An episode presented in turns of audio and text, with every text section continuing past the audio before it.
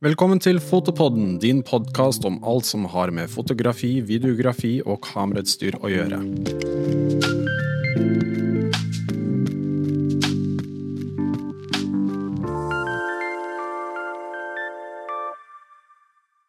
Hva trengs for å leve av fotografi i dag? Trenger man egentlig en fotoutdanning? Eh, Kan du fokusere inn på et felt innenfor fotografi, eller burde du strekke ut fokuset på flere områder? Dette er et par av temaene vi skal fokusere på i dag, og med oss til å gjøre det har vi med oss Kristoffer Myhre. Velkommen. Tusen takk. Eh, Han er en fotograf som fokuserer på bl.a. portretter, reklame, arkitektur, mote og produktfoto. Han er en gullsnittvinner, olympisk ambassadør og driver også studiokollektivet Studio 34. Velkommen. Tusen takk. Eh, Så vi kan egentlig begynne med det første spørsmålet. Hva trengs for å leve av fotografi i dag? Det er jo mange aspekter ved det spørsmålet. Eh, For det første så starta det for meg med at jeg spurte meg sjøl hva har jeg mer lyst til å gjøre enn å ligge på sofaen. Jeg hadde mer lyst til å være ute og være fotograf enn å ligge på sofaen. Og jeg tror den driven og den vilja du har der, da, den er viktig for å få til i det hele tatt lykkes hvis du vil leve av å være fotograf. At du må glede deg til mandag? Ja, og du må liksom brenne for faget og synes at, at det her er noe som er så kult å gjøre at du har lyst til å gjøre det på lørdager og søndager. Ja. Fordi når du starter og ingen kjenner deg, så må du bygge egne prosjekter, du må bygge kontakter, og du må jobbe med andre som vil gjøre kule ting, og da er det ofte at det lørdag og søndag folk har anledning. Da modeller er ledig, det er da frisører som skal gjøre håret ledig, og da bør du i hvert fall ha den driven at du vil det så mye. da, At du ofrer liksom helga for at det her er noe du syns er mer gøy enn å ja, bare ligge og slappe Spiller av. PlayStation? Ja, Ja. absolutt. Det var i hvert fall den veien jeg tok, da. Og så videre så eh, Så tror jeg liksom du må, du må være seig. Fordi det tar lang tid å bygge det opp.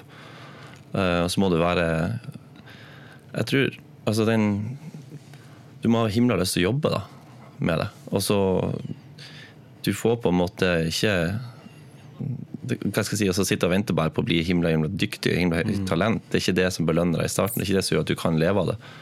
Du blir belønna for de tingene etter hvert, men det er også noe du bygger på etter hvert du får mer erfaring. Så eh, det tror jeg nok trengs absolutt. Du snakker litt om businessdelen også. Liksom sin økonomi eksempel. Må du kunne det? Fordi du, du skal jo drive på en måte din egen bedrift litt. Hvis du Mm. skal bruke som frilans. Ja, det er klart. Jeg har, eh, jeg har valgt å gjøre sånn at søstera mi er med og hjelper meg. Så hun er sivilingeniør, så hun er på en måte den eh, si, petimeteret. Og så er jeg mer en sånn kreativ person. For det, det, det er jo krevende å være eh, fotograf i det at du skal ha du skal drive markedsføring, du skal holde kundene dine ved like, du skal utføre oppdrag, du skal levere oppdrag, som er kanskje det aller viktigste. Levere på tida. Og så i tillegg til det så skal du føre regnskap, og du skal gjøre alle de kjedelige kontortingene. Og jeg så at min begrensning lå i at jeg syns det var veldig gøy å drive markedsføring og møte kunder og ta bilder, men det der å drive bis, altså, regnskapet, back-office-greia, syns jeg var dødskjedelig. Og det slurva jeg med i starten. Og da fikk jeg liksom noe sånn surr med skatt og moms-ting. Men heldigvis så var det ikke så mye omsetning da, så det var ikke så stort problem. Men jeg innså tidlig at her eh, Altså hadde jeg muligheten til at søsteren min kunne hjelpe meg. da. Så hun har liksom styrt den greia, da, fakturert og purra og tatt den delen for meg. Og hun har jo sagt det at hun syns jo det er så utrolig rart at i Norge så må du ha, sant, du må ha sertifikat for å kjøre bil, du må ha sånn klatrekort for å få lov å klatre i klatresenter. Det er så mange ting du må sertifiseres for. Men du kan liksom opprette et selskap i Brønnøysundregisteret og kjøre økonomien din på ræva for resten av livet Ja. uten å avlegge en eneste prøve. Og det er, det er brutalt, da. Det er litt merkelig. Det er veldig rart. Og jeg ser jo Det er jo dessverre fotografer som har gått på de smellene, og det er dyktige fotografer som virkelig har, Ja. har gått på de smellene, og det, man skal ha respekt for det. I hvert fall når det er enkeltmannsforetak. Så hvis enkeltmannsforetaket ditt går konkurs, så Mm. Ja. går du personlig konkurs også. Ja. Det er jo knyttet til pers personlig økonomien din, eh, sammenlignet med AS, da, hvor det er bare et eget selskap.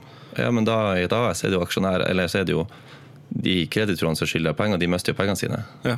Men hovedgrunnen til at du går personlig konkurs, det er jo for at du har statlig gjeld. Ja. Skatt og moms, det er så typisk. Ja. Og da selv om du blir slått personlig konkurs, så står jo de fortsatt og skal ha pengene sine. Så du har en personlig konkurs, og du har ei gjeld på eh, skatt eller moms da, til staten som du skal betale i tillegg.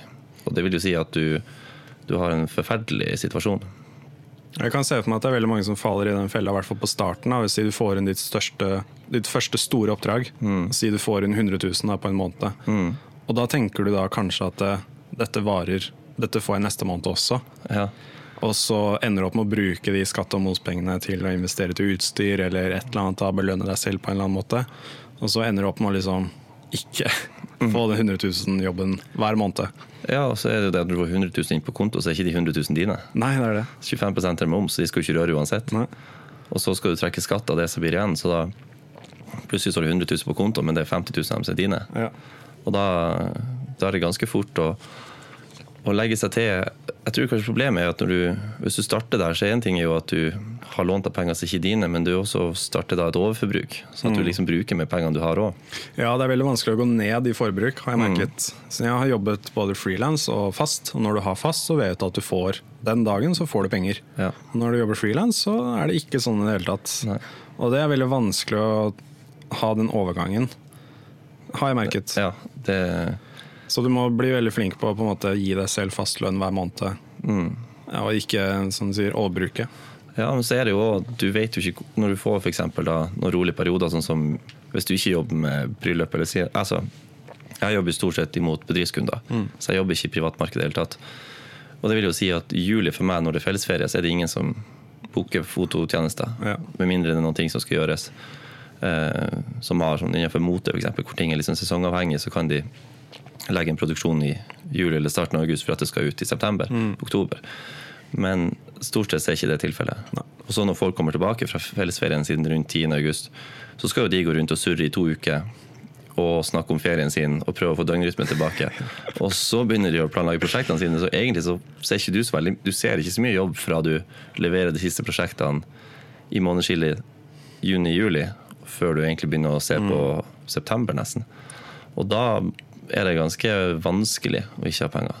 Jeg har vært i den, eh, eh, akkurat den situasjonen der. Hvor det kom til juli, og vi hadde, hadde ingen penger. Nei. Så jeg måtte bruke nesten hele juli på å prøve å skaffe møter, skaffe jobber og sånne ting. Men det var, det var helt tørt. Ja, og, det jo, og da går det på skjørtliten løs. For at du bare sånn 'Å nei, hvorfor har jeg ikke jobb?' Men det er jo for at jobben ikke er der. Ja, Men alle de, de fleste av dem som vi ringte, kom jo da tilbake. Ja, Som du sier, I september så begynte folk å ringe igjen. Bare ok, nå, nå har vi noe greier. Mm. Men ja, juli generelt, hvis det ikke er bryllup eller festivaler, så er det Ja, dødt. Stille. det er det. Så jeg løste det med å ta At jeg tok eh, ekstravakter som eh, hva det blir, altså på et hjem med, med psykisk utviklingshemmede. Sånn at jeg spedde på det, da. For da var jeg sånn tilkallingsvakt. Og, da, og der var det Det er en ganske stor plass, og det var mye sykdom, og derfor så Når de tilbød ei vakt, liksom, så var jeg bare på når jeg gikk den dagen, så jeg kan komme i morgen òg. Fordi de som sitter på sånne hjem, de må jo alltid ringe og fylle på vakta fra dagen før, eller, eller dagen som kommer, mener jeg. Og da, da ble det til at jeg fikk jo jobbe gjennom hele sommeren. Ja. Og det var en måte jeg liksom fikk Ja, ja. det til å fungere, og det gjorde jeg i ja, noen år før jeg liksom hadde bygd opp nok kunder med foto til å kunne kutte ut den delen av det. Så vi vil si det til eh, Si noen som vil begynne å leve av fotografering nå. Mm. De første fire-fem årene så burde du ha flere ben å stå på. Ja. Du burde ikke slutte dagjobben din med en gang. Nei, det tror jeg ikke. Det, det vil jeg, du vil jeg få gjøre ting veldig vanskelig for deg sjøl. Mm. Og når du da liksom går blakk og nedkjørt, så er det veldig vanskelig å få den gleden ut av de jobbene du får. For da er egentlig alt bare om å overleve. Ja. Og så tror jeg det er òg eh, lurt å på en måte ikke Du kan ikke sammenligne deg med kompisene dine som har gått ut i jobb. Fordi at du har ikke den økonomien i det hele tatt. Og det, det kan, jeg må vel si at det tok vel ti år nesten før jeg, før jeg begynte å ha en inntekt som ligna på, på de andre som hadde bare gått Ja, vanlige studier på en måte, og gått rett ut i arbeidslivet. Så du må være villig til å ofre økonomisk forutsigbarhet.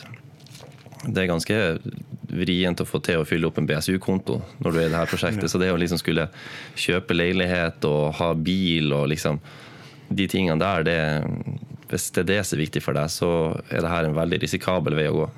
Absolutt. Så den, eh, jeg tror nok det kan være, kan være lurt. Og så tilbake til det med regnskap og sånn, så er jo regnskapsfører det anbefaler jeg alle å ha. Ja. Det, det er greit det er lett å gjøre ting sjøl, men det er himla lett å rote det til. Og særlig nå når det kommer seg dagmulkt på 550 kroner for hver dag du ikke har levert inn momsen. så brått har du glemt den, og så har du ikke en regnskapsfører som sier ifra til deg, så tikker det ti dager, så har du da har du noen dager du skylder med penger. da. Ja.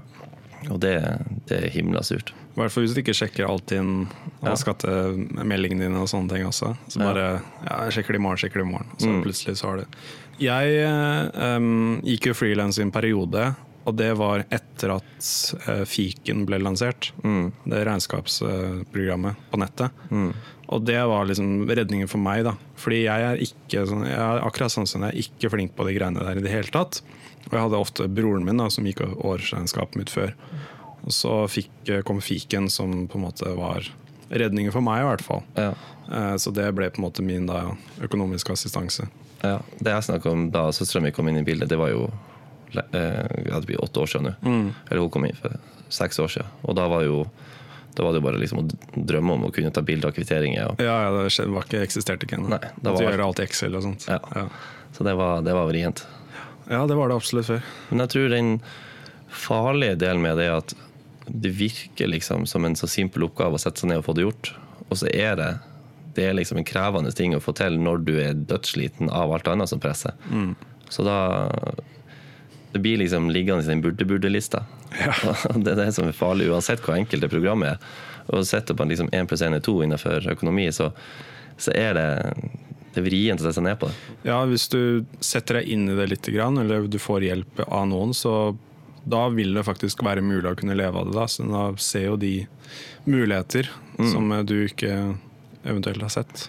Ja, og så er det ja, det, sånn jeg, jeg har hatt regnskapsfører siden starten, så jeg har liksom ikke satt meg så mye inn i det. Jeg bruker vel e-accounting, tror jeg. Ja. Vismasin.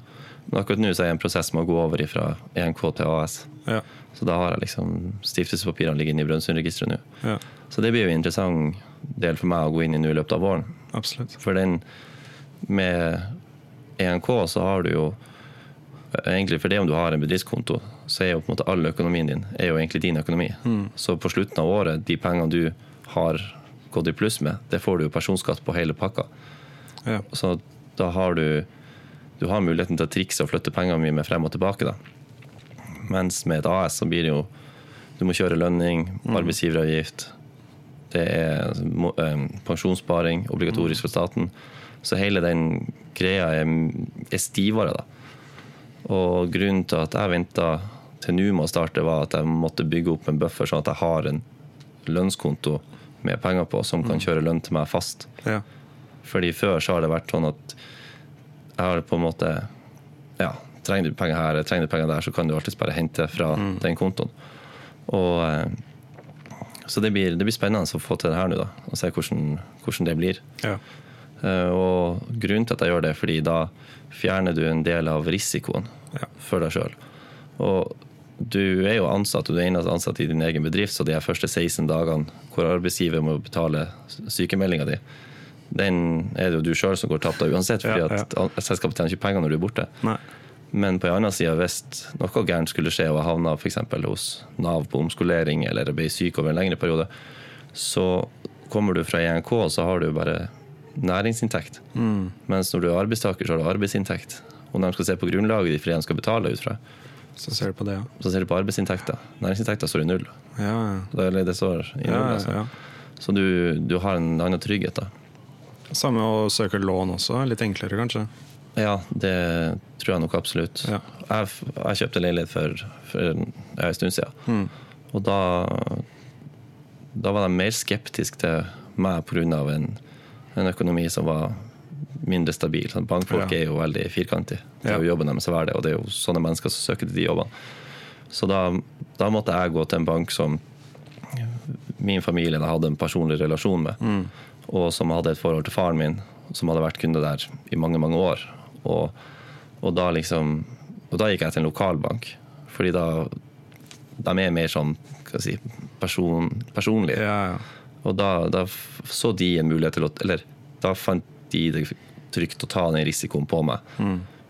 Mens jeg har møtt, møtt vanskeligere motstand da, hos en stor kjede som bare var liksom en, en filial eller en hvem Ja, helst. jeg vet at det er mange, mange kreative folk som har enkeltmannsforetak som har slitt med det samme. Mm. Eh, Jeg kjøpte jo leilighet, og jeg var heldig nok da, til å ha Jeg har også alltid hatt fast jobb i tillegg til å ha enkeltmannsforetak. Mm. Så jeg hadde jo det å vise til, Ja. og den økende em, en økende lønn som gikk opp hver, hvert år. Mm. Og så tok jeg bilde av liksom arbeidskontrakt jeg hadde signert, og så sendte det inn til banken, og da fikk jeg det. da. Mm. Men uh, jeg kjenner jo folk på samme alder som meg, som de har jo ikke noe, det er ikke sjans engang. Nei. Banken har sagt at det er ikke, det er ikke vits nesten å spørre. Ja. Fordi det er uh, De må vise til mye mer, da. Mm. De må vise til at de har orden på økonomien sin og sånne ting. Mm. Men hvis du er fast ansatt, så leverer du bare lønnsslippene dine, ja, og så får du basert på det. Ja. Men det skulle vel være en eller annen bank nå som satser på de unge kreative, Ja, det håper jeg, for de blir jo mye flere. Ja, men det var en eh, Det er mye mer vanlig nå. ikke en reklame for en, en bank som skulle gå mot De kan kjøpe reklame her. Ja, ja de kan de det. Nei, men det var en bank som skulle liksom, så var sånn, er du ung og kreativ, kom med deg i banken. Ja, Men jeg mener jeg så på renta at de var ikke De har vel tatt inn i risikoen ja i renta. sant. Men ja, de skulle ha få hjelpe til. Nei, men det, det burde være lurt, fordi det er, blir jo flere og flere som går egne veier nå. Mm. Flere og flere som starter enkeltmannsforetak. Ja, Absolutt. så det Men jeg tror liksom, ja, fra starten av så er det jo egentlig bare Det kan være greit å ha et enkeltpersonforetak i starten når du, når du skal starte opp, da. Ja, ja. Mm. Det er veldig, veldig simpelt, hvis Ja. jeg trener det litt. Grann. Ja, absolutt. Um, jeg hadde jo en venn av meg som ikke visste hvordan man uh, Hvis jeg sa liksom at du kan skrive ting på skatten Mm. De visste ikke hva det betydde. Nei, Og hadde vært fotograf i litt over et år. ja, ikke sant. Hadde kjøpt masse utstyr og datautstyr og så videre og så videre. You name it. Mm. Hadde ikke skrevet av noen, noen ting Oi. på skatten. Ja. ja, den er Ja, så prøvde jeg å forklare dem hva skattegrunnlag er, og, og Mm. utgifter og inntekter og sånne ting. Og de fortsatt bare sånn Nei, jeg orker ikke å sette meg inn i det. Ja, men du sparer sykt mye penger Ja, det er hvis du, utrolig. hvis du gjør dette riktig. Ja, ja. Nei, jeg, jeg bare orker ikke. Nei. Jeg, det er kanskje enklere der å fortelle folk liksom, det med momsen. Mm. For det er liksom 25 det står på kvitteringa. Ja. Sånn, ja, alt du kjøper blir 25 billigere. Ja. Så, sånn, Oi, ja, men det er en god Ja, idé. Det sånn. det, det fanger oppmerksomheten til folk. ja, så derfor så er det jo egentlig bare å Hvis det er liksom studenter folk som hører på og tjener Mm. litt penger utenom, bare sette opp enkeltpersonforetak og skrive det av. Det, det tror jeg kan være en utrolig fordel. Ja, ja absolutt. Um, vi har jo på foto.no her sånn, så tilbyr jo, og jeg har gjort det også et par på, Når jeg investerer i nytt kamerautstyr, så kjører jeg leasingavtaler på det, vanligvis. Um, på starten så mente jeg Jeg følte at det var veldig skummelt å gjøre. Fordi det føltes ut som du, at det var en sånn nedbetalingsplan med 36 rente hvis du ikke betaler og sånne ting. Ja. Men en leasingavtale er jo litt annerledes, og er jo for så vidt veldig vanlig.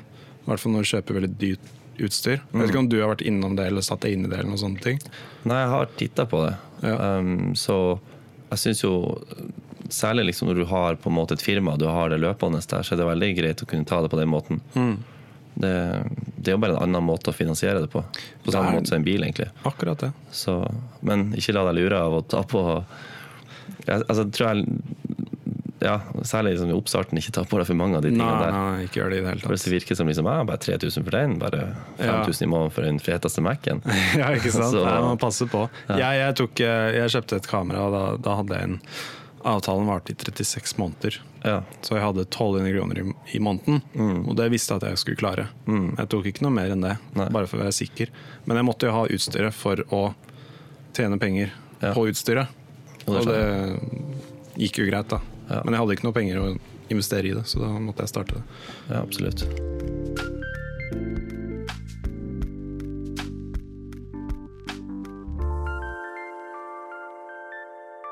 Um, snakk litt om det eh, studio som dere har, Mm. som er et studiokollektiv. Ja. Um, hva, hvordan var oppstarten der? Hva fikk deg til å begynne med det? Og hvordan er det å jobbe i et kollektiv versus å jobbe alene? Det vil jeg si er den Sett at, at ting beit skikkelig økonomisk, så er det den utgifta jeg hadde kutta sist. Ja. Det er det jeg hadde beholdt lengst. Fordi um, vi Sånn som vi har løst det, så har vi et lokale da, på 200 kvadrat med fire meter under taket. Og det er jo den takhøyden som er essensiell når du er fotograf. Og der har vi studio og arbeidsplasser. Og det starta med at jeg leide meg inn der for ja, seks år siden. Og da satt det veldig mye folk der fra masse forskjellige bransjer. Og sånn. Og før det så hadde jeg jo bare jobba hjemmefra. Og det å ha en eh, og du, du bor jo gjerne smått i starten òg, så du har senga di der, og så har du pulten rett ved siden av. og da, da blir det vanskelig å skille mellom jobb og fritid. Og du har en tendens til å bli sittende og jobbe utover natta. Og det eh, Det kan jeg ta etterpå, men det da å liksom eh, Å få et, et fellesskap, få kollegaer som spør liksom, hva har gjort i helga, eller gå og ta en pils eller en kaffe med etter jobb. Og Også det der å få en følelse i bransjen, hva andre folk driver med, hva som skjer. Så, så blir du kjent med makeupartister, du blir kjent med modeller, du blir kjent med liksom, forskjellige folk. Um, den verdien å ha den greia da, er utrolig sånn, viktig for meg. Da. Inspirerende. Og, og det er vel Hvis ikke så tror jeg det blir så ensomt at jeg ikke hadde orket å holde på med det. Får litt cabin fever. Så, Ja, jeg tror nok det. Og, og den derre Ja, at du ikke du deltar liksom ikke i et fellesskap på noen måte. Jeg tror den ensomheten hadde vært, uh, vært knekken. Så jeg deler studio med Marcel, og han forteller jo før i tida da de tok bilder på, på Marcel Lennoff. Da de tok bilder på film, så var det jo da var jo alt sammen, måtte jo fremkalles på en lab. Så da var jo alle fotografene ute på jobb hele dagen. Og så var det på laben, sto alle fotografene der og fremkalte bilder og tok seg en pils og skravla på kveldene. Og da hadde de jo en enorm sånn fellesskapsgreie. Og da, da fikk de på en måte den der, da. Men nå når alt sammen foregår digitalt over mail, og det, du kunne du nesten ikke se det i det hele tatt før du på en måte kommer. Kanskje ikke på opptaksdagen engang heller. Så da, da, da hele sosiale aspektet falt veldig bort. Så tror jeg òg at det er viktig for å forstå liksom, bransjen du er, du er på vei inn i. Og, og forstå litt sånn typene, se litt liksom hvordan hele klima i bransjen er. Det er en veldig fin måte å få forståelse av det også på. Så med tida så har vi jo Nå er vi seks stykker som sitter her. Og vi har løst sånn at vi har eh, registrert ett eh, selskap på toppen. Eh, eller en sånn organisasjon. Og den har kontrakt med huseier. Og så har vi andre leietakere kontrakt med den organisasjonen. Og så betaler vi inn til en felles pott, så betaler den da til, til huseier. Og der er jeg da styreleder og, og sånn. Så det blir jo egentlig som et hvordan selges bokkollektiv, bare at det er en arbeidsplass. da. Veldig behagelig måte å jobbe på. Jeg, vet, jeg har jo jobbet, vært en del av sånn filmkollektiv selv også. Og det jeg liker veldig godt, er på en måte at du deler jo på veldig mye av Eh, Vi delte litt på sånn tilbehør av kameraer og utstyr og et eget studio hvor alle jobber og sånne ting. Da. Eh, og at man eh, Ja, du er rundt det kreative miljøet. Litt sånn som man har på fotoskolen og sånne ting. At du liksom fortsatt kan gjøre det, da istedenfor å sitte alene hjemme, som du sier. Og bare Det er en veldig videreføring av fotoskole. ja, det er litt det. Liksom, og det er, det er liksom Det skal vi gå inn på litt senere, men grunnen til at man da gjerne vil gå på fotoskole, er jo for å henge med andre fotografer som har samme Som aspirerer til det samme. da De Absolutt. ønsker det samme. Ja. Vi har jo veldig mye av de samme merkene hos oss. Så hvis man da mangler en softbox eller en beauty dish eller ja, bråttet aggregat og noen hoder, så er det ikke noe vanskelig å spørre naboen om å låne. Så der, da har vi tilgang på en enormt mye større park. Um, og til studiobruk så er det liksom ganske enkelt, men vi tar det ikke så mye med ut av Ut på location så har vi stort sett våre egne ting. Eller at man leier ting. Og så er det mange som spør om vi ikke liksom tråkker hverandre på tærne overfor kunder. Og det har egentlig ikke vært et problem i det hele tatt hos oss. Nei. Fordi vi er ganske fordelt både liksom i alder og i sjangre vi jobber innenfor. Og med foto så er kundene dine er så, det er så personavhengig hvem du jobber med og ikke. Hvilke kunder som liker å jobbe med meg og min personlighet og mitt uttrykk. Og i forhold til liksom, hvem som liker å jobbe med kollegaene mine. Mm. Og da, Vi har ikke opplevd det at de står på sett og så står de og ser over pulten til naboen, og så hopper de på den kunden neste gang. Nei. Og hvis det skulle skje, så hadde jeg nok Da hadde jeg forhørt meg med naboen og svart liksom, du, nå har de tatt kontakt med meg. Og da og så hadde de liksom da kunne sagt nei, ok, den, det funka ikke med meg og den kunden. Ta den bare, du. Ja. Ikke sant? Det, ser det er viktig å kommunisere på den måten, ja. Ja. Absolutt. Det er veldig veldig bra hvis de gjort mye av det samme selv. Fått noen par telefoner begge veier, da. ja. Og så spør man jo han andre bare sånn, går det greit? Bare sånn, ja ja, det er ikke noe problem. Nei, og noen ganger så er det jo for at de tar kontakt for å få det billigere i pris. Ja, ikke sant? De får høre seg litt rundt. Ja. ja. de bare sånn, ja, vi har vært hos han, han var så dyr, kan ikke du bare komme billigere? Så bare, nei, Nei. det er det vi tar. Og det tror jeg også er en sunn ting i forhold til det her med pris i, i markedet òg, at veldig mange unge kommer inn og de har fått tilgang på ekstremt bra utstyr som er mye billigere nå enn det var før, og kan gjøre veldig mye jobber. Og da når de priser seg lavt, da, så, så får du kundene som er på sånn brannskadesalg og bare skal ha alt sammen så billig som mulig.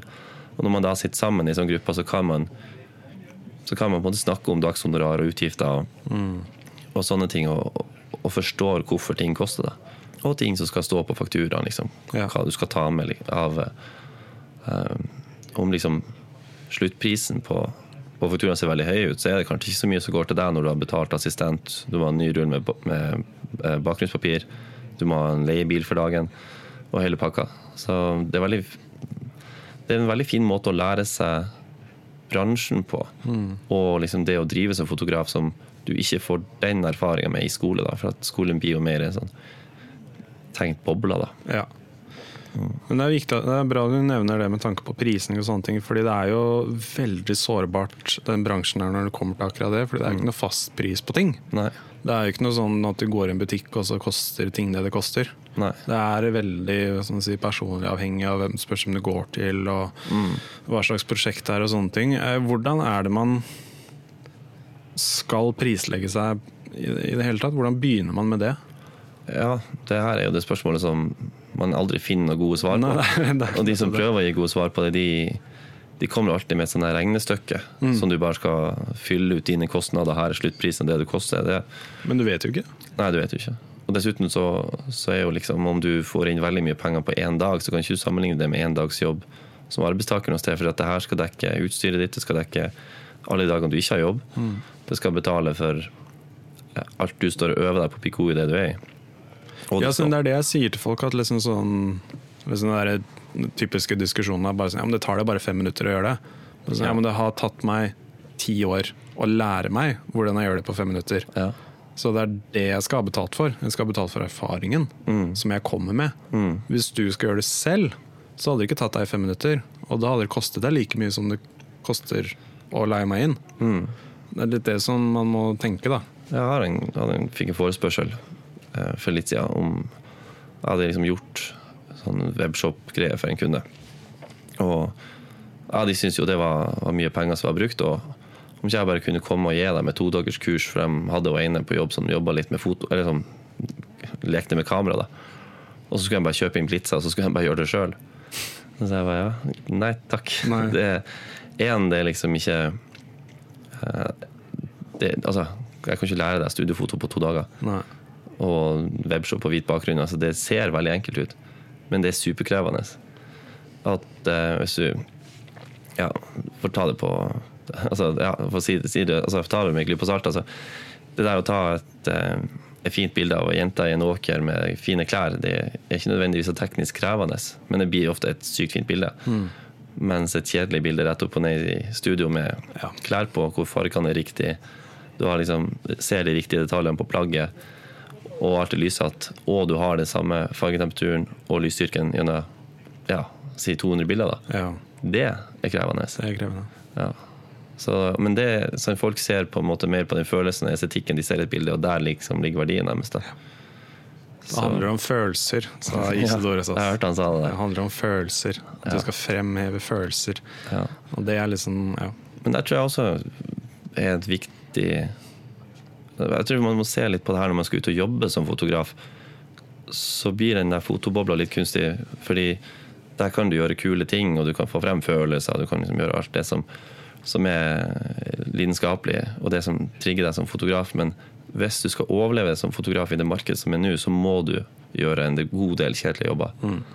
Og, og, og, det, det der liksom det lørdag- og søndagsgreia jeg snakker om kommer inn, fordi det er det du gjør på lørdag og søndager.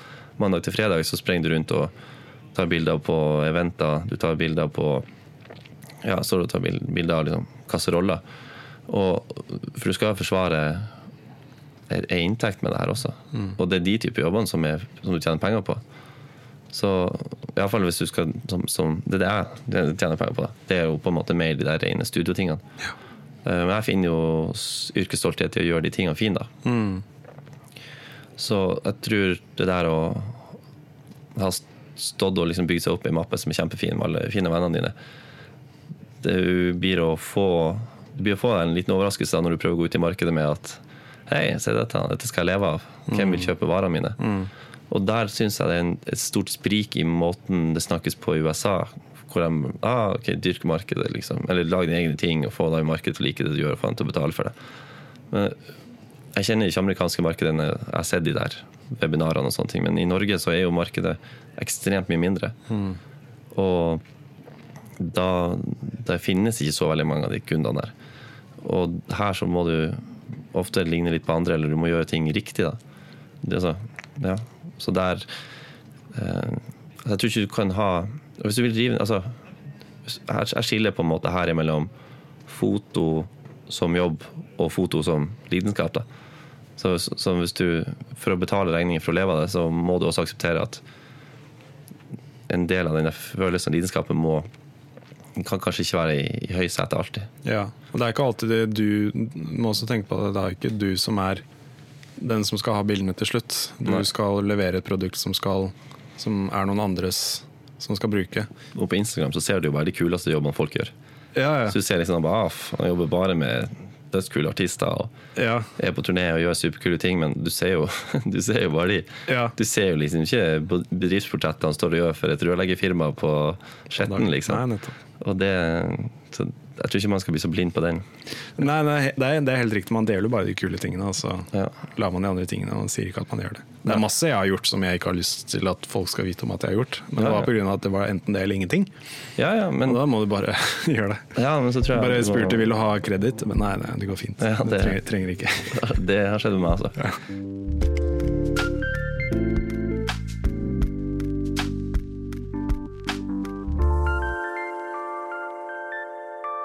Da jeg kom ut fra fotoskolen, så flytta jeg til London og jobba der i to år. Med egentlig gjorde mye kule ting med artister og magasiner og motserier og sånne ting. Og så hadde jeg en god del sånn kjedelige ting for å få, til å overleve. Men eh, da jeg kom tilbake, så var jeg der i to og et halvt år cirka, og så innså jeg at liksom, i London, siden jeg ikke hadde studert der, så hadde jeg liksom ikke noe inngang på internships på den måten. Um, det var vanskelig, for jeg var, jeg var på en måte en, en utlending i en ganske stort basseng som skulle prøve å nå frem. Da, da etter liksom to og et halvt år tenkte jeg liksom, ok, her har jeg et lodd i lotteriet, jeg kan bli her og se om at det slår an. Eller så kan jeg flytte tilbake til Norge og bygge stein på stein fordi at jeg har venner og slekt som kan gi meg en jobb her og der. Og så valgte jeg å gjøre det. Og da jeg liksom kom tilbake hit, så, så tok jeg jo jobb med å ta bilder av leiligheter for eiendomsmeglere. Um, og da, liksom det positive med det var jo at det var et enormt stort volum. Ja. Sånn at eh, det var jo altså, Det var jo helt en grei jobb, men, eh, det var et svært volum. Sånn at fra på en måte å være student til å dra til London, hvor også ting liksom gikk veldig sånn Det gikk jo ganske chill for seg. Og så kom jeg til Norge, hvor det var Og den, den jobben, da, som var et mye høyere arbeidspress, så fikk det dytta meg inn i et helt annet gir. Så jeg begynte å jobbe mye hardere og jeg måtte gjøre det òg. ja, fordi eh, eiendomsfotografering, jeg vet at man gjør veldig mange Mm. per dag. Ja, og tre til fem om dagen. Så jeg lå på en 850 leilighet i året. så den, eh, det var brutalt. Det, Ja, det er helt insane. ja, tok knekken på både bilen og knærne mine. Ja, Akkurat da jobba jeg i et firma som er, som er borte nå, og på den tida så var jo økonomien det var helt grusom. ah, ja. Ja, da hadde de jo, da hadde de jo eh, kontrakter på at man ikke fikk lov til å jobbe for andre på et halvt år. og Alt det der blir jo Ja, det var ei dame i Drammen som tok det her til retten og fikk det fjerna. dem nå ofra jo ja, to år av livet sitt for å få den der greia gjennom, Ja. som da hjalp alle oss andre. Um, men da, på den tida hadde de pressa prisene så lavt også at det var For det, selv om det er volumet på den kontrakten jeg satt på, så var det ikke til å leve av. Nei, det var ikke det. Nei. Men eh, det spennende i det var jo å få se alle de hjemmene og møte alle de folkene. Det så jeg glede i. Jeg syns det var artig å jobbe hardt og få det til å fungere. Eh, Og, og så da hadde jeg jo på en måte den driven med meg når jeg gikk ut av det. Og det var jo også av den seksmånedersklausulen at jeg tok den jobben med de psykisk utviklingshemma. Sånn, eh, som, som varte på, da. Men da jobba jeg jo 80 med de psykisk utviklingshemma, og så satt jeg 80 i studio. det er Ja. liksom. Så da var jeg ja, da var det mye, mye jobb. Ja. Og, det, og det måtte til. Så, og så bygger på en måte kundegruppa di seg I starten så får du jobbe med de som har lav økonomi til lave prosjekter. Og det må du finne deg i.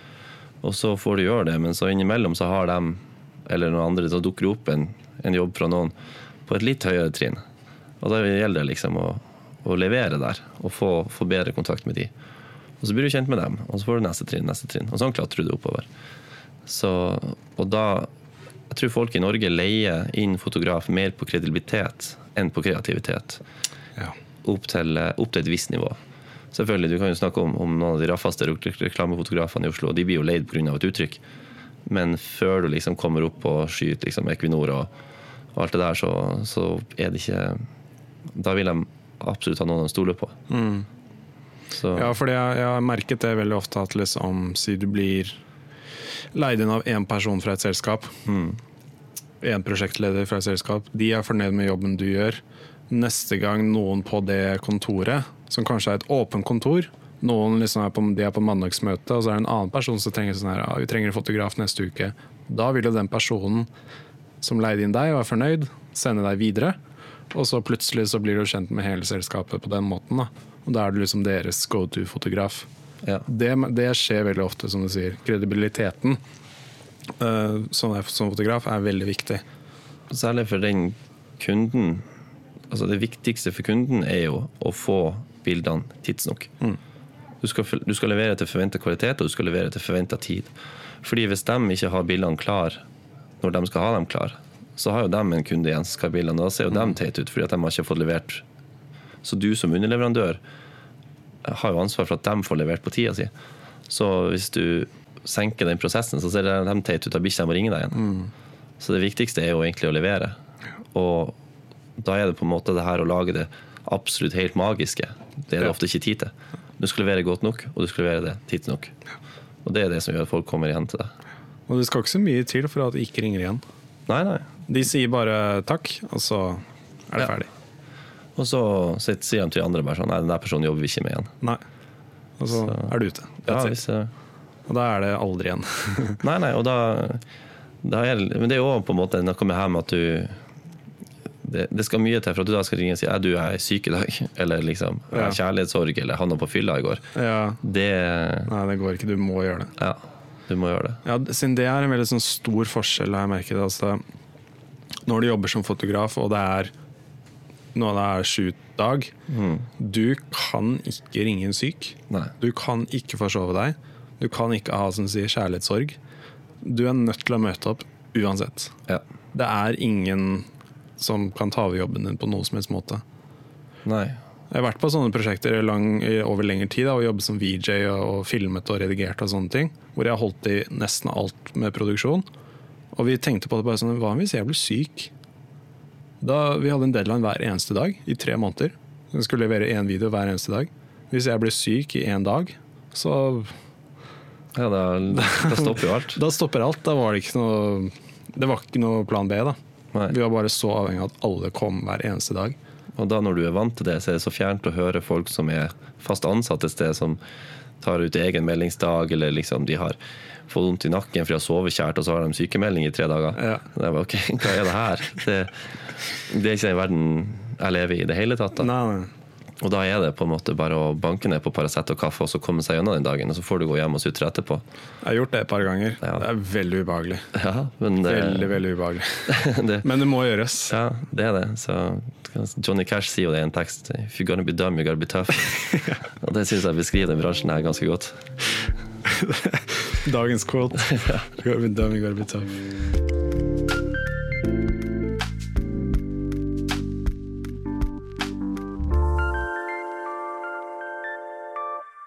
Fortell litt, siden du, du er Olympus-ambassadør. Mm. Hvordan ble du det? Hva betyr det? Og er det slik som folk tror, at du bare får masse utstyr av Olympus, og så er du ferdig? liksom? Eller hvordan er det faktisk? Det åpna seg en mulighet for meg å kunne jobbe sammen med Olympus på et prosjekt. Og så i det så, så jobba jeg liksom ræva meg for å få det til å fungere. og, og og vise at jeg var en ressurs. Og jeg tror det de ser, er at jeg hadde liksom engasjement og jeg brant for faget, og at de så i meg en person som de ville eh, Som de også med trygghet kunne være knytta til. Sånn at, at eh, både bildene, men også måten du fremstår som person, er at du er liksom et objekt som, mm. som de kan uh, assosiere navnet sitt med. Ja. Så jeg var, altså jeg var heldig for jeg fikk en fot i døra. Og så Uh, Jobba bare skikkelig hardt over en periode for å få mer og mer plass med det. Den verdien For det som er at et, et sånt uh, samarbeid, samarbeid, som det her er, det er jo ikke fordi at De er jo ikke der for at de vil gi meg noe. De er jo der for at de vil ha noe. Mm. Så vi er et samarbeid, vi bytter. Sånn at jeg bytter jo Jeg bytter jo workshops, jeg bytter mine kunnskaper og erfaringer, bildemateriell, med dem. Og så eh, bruker jeg deres utstyr. Mm. Og der for eksempel, så har jo Olympus kjørt veldig med eh, Olympus Penn opp imot eh, ja, bloggere og influensere og hele den, det jentemarkedet. Mm. Det, det, gjorde det jo kjempesterkt der. Mm. Men så sto de med eh, De trengte en person som kunne forklare kamera til det segmentet. Eh, disse jentene som var opptatt av mote, som var opptatt av livsstil veldig lite opptatt av teknikk. Eh, og da på en måte få til å fortelle dem altså Begynne å snakke blender og hvordan blender fungerer for å skape dybdeskarphet. De bare ok, blurry bakgrunn, hvordan gjør jeg det? Ja. Ok, her er oppskrifta, sånn er det. Ja. Så jeg kunne være en ressurs for de for å koble på en måte den, det livsstilskameraet med de rette folkene. Sånn at jeg, jeg var en eh, faglig ressurs mellom dem. da. Mm. Og det, det, har vært en viktig, et viktig bidrag jeg har hatt hos de. Og så ja, så er det å levere bilder når de trenger det til ting. Mm. Så, der, eh, så, det er sånn det fungerer. Så det er jo, det er jo på en måte en, en partner i det. Ja. Mm. Gøy, da. Ja, det er veldig gøy. Det, det er også et interessant, sånn, artig fellesskap med de andre ambassadørene der også. Ja, sånn er Kristoffer, blant annet. Ja. Kristoffer Kirk. Mm. Vi har vært innom her også. Ja. Du gikk jo som sagt på uh, fotofagskolen i Trondheim.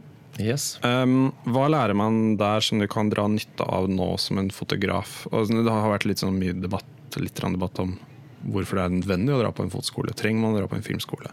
Mm. Eh, så hva fikk du ut av det som du liksom tar deg med, tok med videre? For min del så var det veldig eh, viktig for å lære meg å forstå fotofaget, fototeknikk. Um, og forstå liksom det mest elementære innenfor foto og lyssetting. Det tekniske. Og Fotofagskolen, da jeg gikk der mellom 2006 og 2008, da, da var de veldig fokusert på, på teknikk. Så at, du så jo på de landskonkurransebildene at alle fotfagstudentene så jo klin like ut i finishen. Mm. Men på en måte så, så syns jeg det var helt greit, fordi du, du var der for å lære. Du, sånn, du fulgte oppskrift for å lære, og du gjorde det på riktig måte. Og så var det mer opp til deg sjøl etterpå å skape ditt eget uttrykk. Men det å ha, den, ha det, de ressursene tilgjengelig med studioplasser, studiolampe um, Vi drev og fremkalte film, vi hadde de maskinene til det. Også det å, å, møte andre folk fra andre plasser i landet og se hva de driver med. Det var jo det var veldig artig å ha det fellesskapet og på en måte ha den lekegrinda. Mm. Um, jeg skulle vel kanskje mest ønske at jeg var mer moden på den tida, så jeg utnytta meg mer av, av de ressursene. Men, men, overgangen derfra til å flytte til London, hvor jeg liksom hadde et, eh, et speilreflekskamera med en oncam sånn speedlight som liksom ikke hadde noen ting, det var jo var en brutal overgang, men, men, da fikk jeg jo også kjent litt på hva, hva er min stil, hvordan vil jeg gjøre det. Så jeg tror nok For meg så hadde det en veldig stor verdi. Mm. Og det var Det gjorde valget mitt med å bli fotograf mye mer seriøst. Ja. Du fikk testa det? Ja, og jeg, et, jeg måtte stå for det på en måte. Så for min del så var det rett. Mm. Eh, men hvis du holdt på å si, hvis du kan alt, og hvis du har muligheten til å gå inn som assistent et sted, eller hvis du allerede har et marked, så tror jeg nok du kan du kan klare deg fint uten. Mm. Det er en, en, ting som jeg kanskje syns er vanskelig med måten man eh, hører på det her med, med måten det blir snakka om de kreative utdannelsene, er at man, men skole som man forventer liksom, du går, går andre skoler, så står det en jobb og venter på deg. Mm. Men innenfor foto det er ingen som spør om å se karakterene mine eller fotofagskolen i det hele tatt. De lurer bare på hvilke bilder jeg har. Ja. Og, og, der tror jeg noen folk har kanskje ikke reflektert over akkurat det. Så de tenker jeg skal gå fotoskole, jeg skal begynne å jobbe som fotograf. Men ok, hvor skal du begynne å jobbe som fotograf henne? Den, eh, den, døra står ikke vidåpen akkurat. Nei. Så jeg tror, jeg tror den eh, ja, det, samme er jo liksom innenfor mange av de eh, kreative fagene. Hvor liksom, jeg må gå skole, men ja, det er ikke noe sikkerhet i jobb pga. det. Nei, eh, vi, den filmskolen jeg gikk på, ble veldig ofte kalt rekrutteringsskole for bartendere. Ja. Fordi veldig mange av de som gikk, hadde en utdanning der, eh, endte opp med å jobbe i bar eller kafé eller noe sånt etterpå. Da. Fordi det var jo ikke noe jobbsikkerhet i det hele tatt. Det jeg eh, merket da, da jeg gikk på filmskole, var jo eh, det er veldig mange som finner ut av hva de har lyst til å gjøre med dette her. De, de, er, de, de vet at de er interessert i et eller annet innenfor foto eller film, eller sånt men de vil finne ut hva. Og så spisser de inn i løpet av de tre årene. Da. Og skolen min var bygd opp slik at først var det veldig et generelt år hvor du lærte alt. Og så spissa du deg mer og mer inn på de forskjellige feltene du hadde lyst til å fokusere på da, de neste to årene. Men så var det også folk som fant ut at dette var ikke noe de hadde lyst til å drive med videre. De ville liksom bare ha tre år hvor de drev med det, og så var de ferdig. Så det er liksom litt det at man finner ut av det. Mm. Det, det jeg Argumentet jeg har veldig ofte, er sånn, sånn som du også sa, at hvis du, ikke har, hvis du ikke er omringet rundt det miljøet fra før av, så får du det ved å gå på en sånn skole. Da får du eh, folk som tenker likt. Du er i den tankeboblen og sånne ting som du kanskje søker etter, da. Hvis du ikke har det fra før av. Men hvis du allerede er på gang og har fått jobber som fotograf og kjenner andre som driver med det, og sånne ting, så er det bare å fortsette med det. Du må ikke gå på filmfotoskole etter det. Nei, jeg har iallfall veldig stor en, en ting jeg har veldig stor eh, fordel av i dag med å ha gått der, er jo at når det kommer til det her, så vi snakker om med de pengejobbene i, På skolen, fotofagskolen da jeg gikk der, så var det jo sånn at vi måtte gjennom forskjellige moduler. Produktfoto, brudefoto, mote, reklame osv. Og det å stå i studio og drille lyssetting på krumma kasseroller var jo pyton. På film også. Så det var jo det var krevende som bare rakkeren. Men i dag så har jo jeg ingen problem med å ta en sidejobb med produkt. En sidejobb med liksom kosmetikk. For at jeg har gått gjennom det der greiene på skolen. Jeg må jo børste støv av det og liksom ta det frem igjen. Men det har vært mulig for meg å kunne ta en større bredde i jobber. Um, og den, du får også kjennskap til flere sjangre for at du blir dytta ut i det. Ja. Så den allsidighet jeg fikk av å ha på en måte gjort alt Fremfor å liksom hadde gått inn på en skole og så dyrka motorfoto, som jeg syntes var kulest da, for at jeg så det var det største kreative potensialet i det. Da hadde jeg vært mye mer sårbar nå i forhold til å liksom kunne forsvare et voksenliv med denne jobben.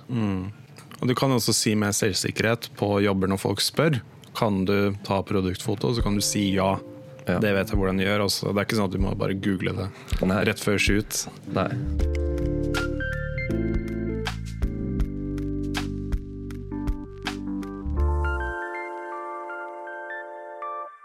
Du har jo vunnet gullsnitt to ganger. Ja.